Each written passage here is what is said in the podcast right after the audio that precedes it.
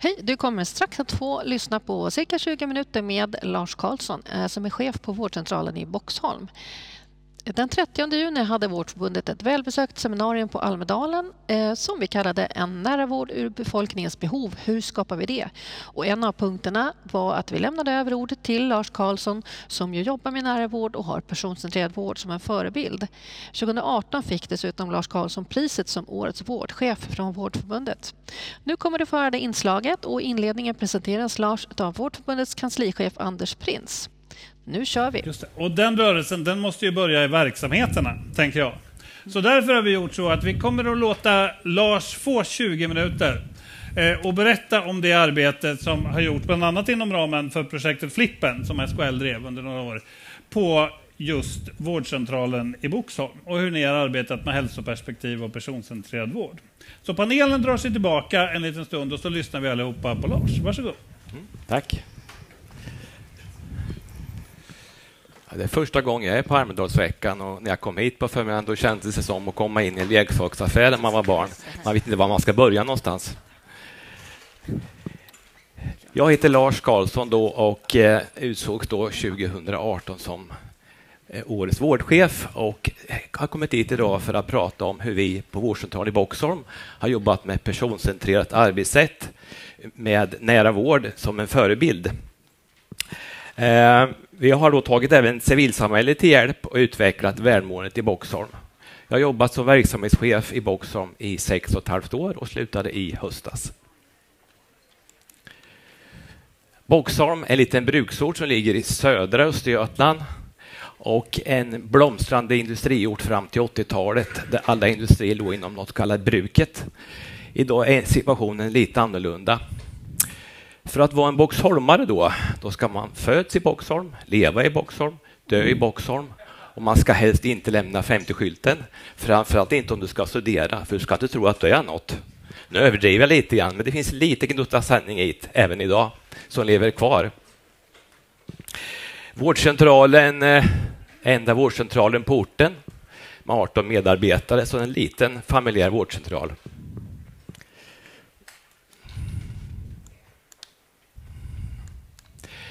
2015 på hösten så utsågs vårdcentralen i sydöstra sjukvårdsregionen att ingå i ett nationellt innovationsprojekt kallat för Flippen i syfte att utveckla nya personcentrerade arbetssätt och sen sprida dem. Inledningsvis visste vi inte vad vi skulle börja med och jobba med så att vi startade arbetet med att göra en jättestatistik inventering på allt vad vi kom över. Vi körde diagnoser, ohälsotal, in och utflyttning, medelinkomster, män, kvinnor, allt vad vi kom över. Vi fann då att det vi såg stack ut det var att kvinnor hade dubbelt så mycket diagnoser inom psykisk ohälsa, ångest och depression som män. Det tyckte vi inte om. Vi såg också att kvinnor hade så mycket, dubbelt så mycket diagnoser inom det här med muskelvärk. Vi såg också att kvinnorna i den här gruppen det var de som var mångbesökarna på vårdcentralen, alltså fler än fyra läkarbesök per år.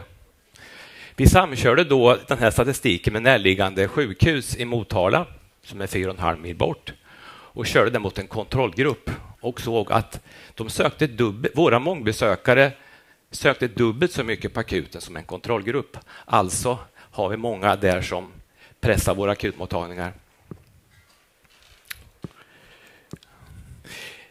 Vi bjöd in patientgrupper till vårdcentralen för att se, såg de några behov som inte vi hade sett? Jättespännande att höra vad patienterna tycker. Vi bjöd även in nyckelpersoner till vårdcentraler. Nyckelpersoner det är Försäkringskassan, kyrkan, pensionärsföreningar, kommunen och så vidare. Vad såg de för behov att utveckla i kommunen som inte vi hade sett?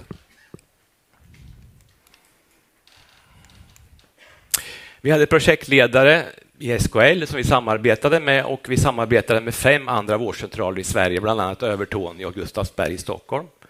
Jag hade nöjet att få följa med till Övertorneå och göra en kundresekartläggning som är en intervjumetod som man, man, man ställer frågor och ut och intervjuar befolkningen. Och det här är en metod som ett tjänstedesignföretag som heter Transformator i Stockholm har utvecklat. Det här var så intressant, så när jag kom hem till Boxholm så kallade jag samman nyckelpersonerna, runt 30-35 personer, delgav all statistik, vad vi, kommit, vad vi kommit fram till och frågade om de ville vara med och göra på sån här kundresekartläggning. Och det ville de. Och vi hade en tvådagars konferens och gjorde intervjuer och när vi hade intervjuresultaten, vår statistik och allt material så hade vi identifierat behoven mycket väl, tyckte vi. Och de var med tillsammans med oss att utveckla ett ökat välmående i Boxholm med ett mätetal, att vi skulle mäta ohälsotalet, hur det följdes. Och det ska vi göra tillsammans. Vad blev då vårdcentralen Boxholms bidrag i det här? Vi hade tidigt startat ett projekt redan innan vi gick in i flippen som vi kallar för Din livskraft. Vi såg att nyarbetslösa tidigt gick in i korta sjukskrivningsperioder på grund av psykisk ohälsa. Vi sökte pengar och fick en halv miljon och anställde en hälsocoach och erbjöd 500 äh, nyarbetslösa i fem närliggande kommuner en hälsokontroll med hjälp av hälsokurvan som en metod. Där erbjöd vi då fysisk och psykisk stöttning när det behövdes. Vi hade ett mentalt gym till hand som vi kunde remittera till. Resultatet av den här, det här projektet visar sig att de som genomgick den hälsokontrollen fick en ökad, bättre sömn, mindre smärta, ökad tilltro till sig själv. Men det som var mest intressant var att männen tappade mycket, mycket tidigare självförtroende tidigt i en ny arbetslöshet. Vad gjorde vi mer? Ja, vi, vi såg då att läkarna behövde jobba med mer med patienter av den här karaktären, så vi ändrade att utbilda sköterskorna att de skötte diabeteskontrollen för läkarna. Vi utbildade undersköterskor som, som tog över kontrollerna för hypertoni så att läkarna kunde jobba med patienter med psykisk ohälsa. Vi anställde en psykolog till vår samtalsmottagning. En psykolog vet när har lite mer verktyg i verktygslådan, när har KBT som är lite mer krävande, lång behandling och FACT som är lite snabbare behandling, passar till olika patientgrupper. Vi anställde en rehabkoordinator som är en person som är samverkar vid långtidssjukskrivningar mellan läkare, Arbetsförmedlingen, arbetsgivare och så vidare, vilket också underlättar hanteringen av patienter som går med långtidssjukskrivning.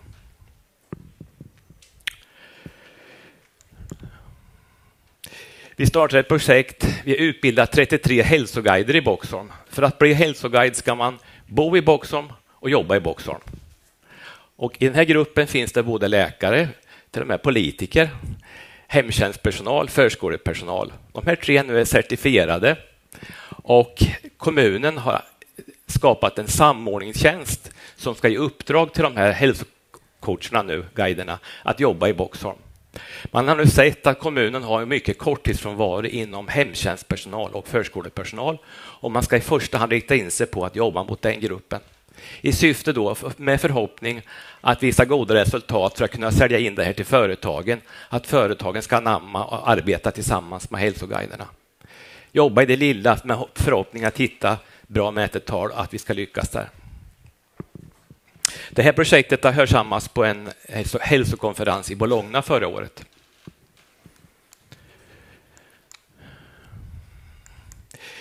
Vi var först ut i Östergötland att skapa en egen Facebook-sida för vårdcentralen. Ja, varför det då? Jo, där kunde vi annonsera efter intresserade personer som ville jobba med hälsoguideutbildningen. Vi kunde marknadsföra oss. Syns man så finns man. Vi kunde lägga ut hälsoinformation. Vi startade med att göra egna videofilmer som vi länkade till lediga tjänster för att annonsera efter mer folk. Och de här filmerna ligger på Youtube och kallas för Välmående Boxholm. Personalen har aldrig haft så roligt när de gjorde de här filmerna. Det har varit många goda skratt kan jag lova er. Eh, digital teknik är ju då en framgångsfaktor i nära vård. Vi började samarbeta med, med ett plattform som heter Visiba där vi erbjöd patienter videobaserad telefonkonsultation där patienten kan visa sina bältrosymptom och så vidare, slippa läkarbesök. Det pågick ungefär ett och ett halvt år, men sen var vi tvungna att lämna från oss plattformen till Digital vårdcentral i Östergötland som en pilot. Hoppas vi kan starta igen, för det här var något jättebra. Vi bjöd in pensionärsföreningar det är ju så att äldre är ju faktiskt väldigt dataintresserade också. Det finns pigga pensionärer som tycker om att hålla på med data. Vi bjöd in då sådana personer till vårdcentralen och lärde upp dem på 1177 e-tjänster i syfte att de ska gå hem till sina föreningar och lära upp andra pensionärer att kunna beställa recept, boka, avboka tider på nätet, läsa sin journal och så vidare. Ta hjälp av andra. För att få lite skjuts i det här välmående boxen så bjöd vi in inspirationsföreläsare Kristina Steli som är känd från TV4 på två föreläsningar i Folkets hus som alla fick komma på, vilket var mycket uppskattat. Kommunen förstås har gjort en hel del insatser, bland annat inom skolan. Man har gjort, tittat på den yttre miljön. Man har, eh, det framkom till exempel om att de som var nyinflyttade inte fick information om eh, vad som hände på orten, hur man hittade dit och så vidare, hitta olika saker. Då började man med något som heter lånekompis, att Boxholmare, som var riktiga boxholmare då, fick börja och eh, fick ett namn och kontakta den här personen för att visa och ge information om Boxholm. Som ett exempel. Det senaste är nu att inom BVC så håller vi på att kartlägga då unga föräldrar där många unga kvinnor upplever dåligt stöd från sin partner. Och vi kartlägger nu hur, hur, i vilken omfattning det här är. Det är det senaste vi håller på med. När, man, när vi gjorde den här behovsinventeringen, så när vi frågade patienterna, då kom det fram att patienter med svårläkta sår som ofta kommer till mottagningen träffade väldigt många olika sjuksköterskor, vilket de upplevde som bristande kontinuitet och kände sig otrygga med det. Då hade jag en sköterska som var intresserad av sårvård och gav henne uppdrag att starta en sårmorsmottagning.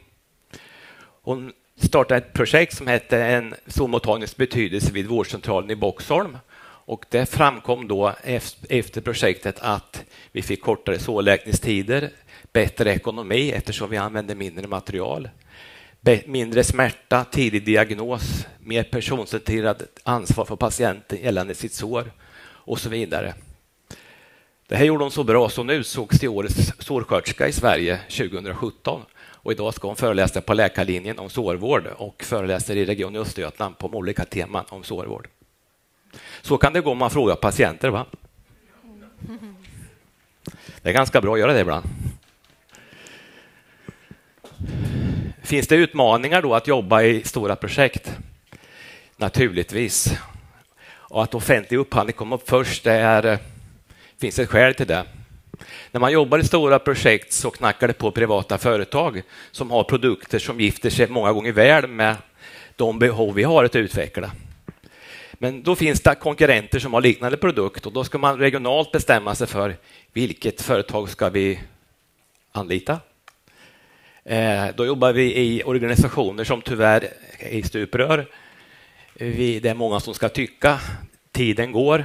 Jag kan inte ens pilota ett företag som jag vill, för då får du förtur i en offentlig upphandling. Då knackar de här på dörren ofta på privata vårdgivare och vi blir frånåkta. Eh, jag, kan, jag kan till exempel, det här med min doktor Kry, till exempel. Nu har vi digital vårdcentral, men det dröjde länge. Så likaså i nära vård vill vi gärna att patienter ska kunna läggas in ha, ha inläggningsplatser som vi har en bit ifrån. Det tar fem år från att vi ska tillsammans med kommunen starta en byggnation tills vi är färdiga. Och på fem år hinner det hända väldigt mycket. Det här tycker jag är en jätteutmaning i, om vi ska prata om införande av nära vård. Eh, vi ska också i vården jobba med att vi ska ha, jobba väldigt evidensbaserat. Ny teknik är svårt att evidensbasera. Florens visste hur man skulle jobba, men vi kan, Florens visste inte så mycket om digital teknik. Ekonomi. För att bedriva verksamhet så har vi en ekonomi som är anpassad för att bedriva vård utifrån en auktorisation. Den är slimmad. Det finns inget utrymme för att gå in i några projekt och utveckla någonting. Då måste vi ha medel till enheterna för att göra det. Så ekonomin är en framgångsfaktor, även om det tar emot att prata om pengar, men så är det. Och som verksamhetschef kan man skriva under på det. Uthållighet förstås över tid. Och samverkan, samverkan betyder att ska man jobba tillsammans med många olika aktörer som jag pratat om i grupper, då kräver det att hålla alla intresserade i ett sånt där arbete så det fortskrider. Samverkan även med andra enheter mellan vårdcentraler är också en utmaning som behöver utvecklas. Hur har det gått då? Ja, vi har ökat, som ni ser, antal besök på samtalsmottagningen från 178 till 507 på tre år. Det är väldigt många fler som har kommit till.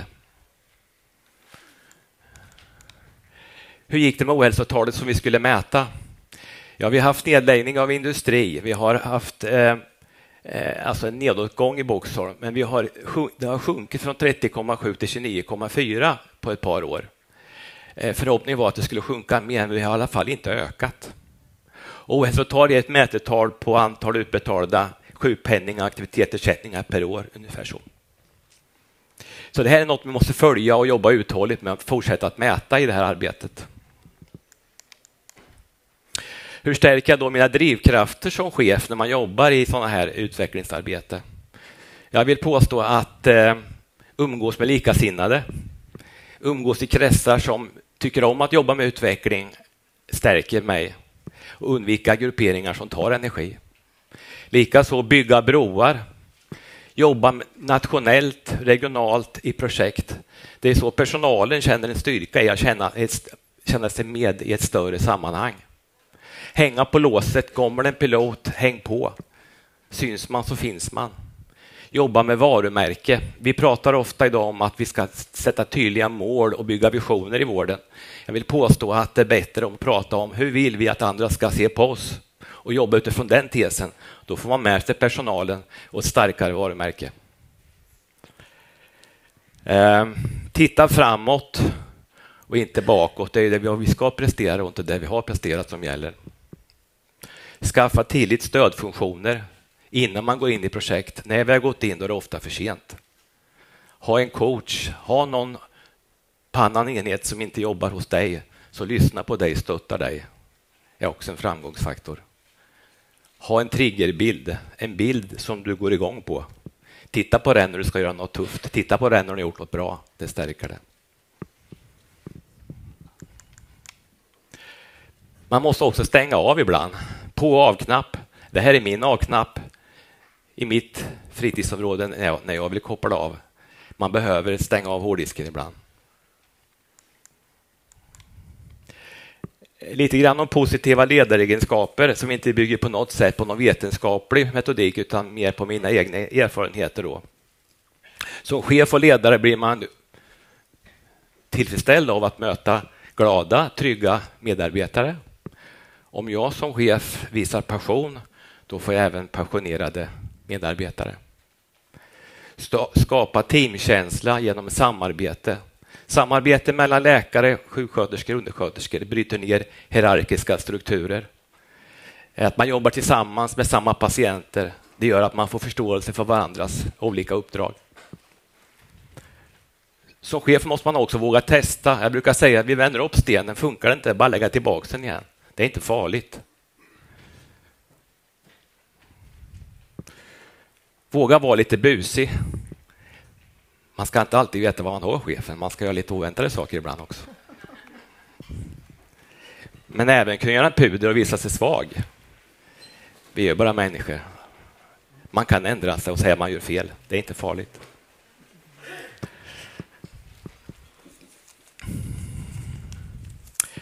Ja, att sätta igång då. Min erfarenhet att sätta igång med sådana här projekt det är att innan man presenterar projektet ha så mycket fakta som möjligt på bordet. Annars skapar det en otrygghet. Va? Identifiera styrkan i gruppen du har. Vilka är positiva att jobba med utvecklingsarbete? Vilken kompetens har du? Men även de som är duktiga på att jobba med patient. För de är jätteviktiga. De måste ha kredit för det, att de sköter patientarbete när vi andra utvecklar verksamheten. majoritetsbeslut, ett förslag fick fram ett majoritetsbeslut, ska vi köra eller inte köra? När vi kör ska alla komma till tals, starta mötet med att alla kommer till tals, sluta aldrig ett möte med att alla ska komma till tals för då är mötet slut. Så låt alla börja först. Eh.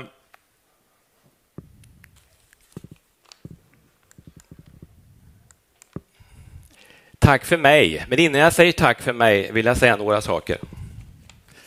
Och det är om jag finge vara statsminister och jag fick bestämma och utveckla vården, då skulle jag vilja säga så här.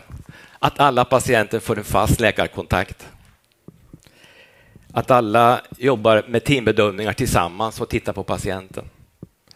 Att vi har patienter som kan digitalt lägga in sin anamnes innan man kommer till doktorn.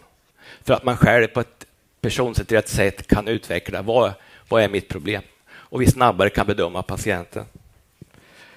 Att vi jobbar preventivt med digital teknik, att patienter kan mäta sina mätvärden själv, att patienter vet om mitt värde sjunker eller höjs, då tar jag den här tabletten extra, för det har doktorn sagt till mig. Det finns dokumenterat. Att vi har inläggningsplatser på varje vårdcentral som ligger långt ifrån sjukhus, där vi kan lägga in patienter som har små saker som ros i benet, få lite penicillin och vätskas ur och så. Och att vi tillsammans gör en behovsinventering i befolkningen. Vilka behov finns på det här upptagningsområdet? Det skiljer sig väldigt mycket från ställe till ställe. Och att vi identifierar mångbesökarna på vårdcentralen, att de får en fast vårdkontakt, en person att vända sig till. För då underlättar det att man lär känna den personen och den inte söker så mycket. Och att vi mer samverkar mellan olika enheter. Det är kul att få vara statsminister ibland. Tack för mig.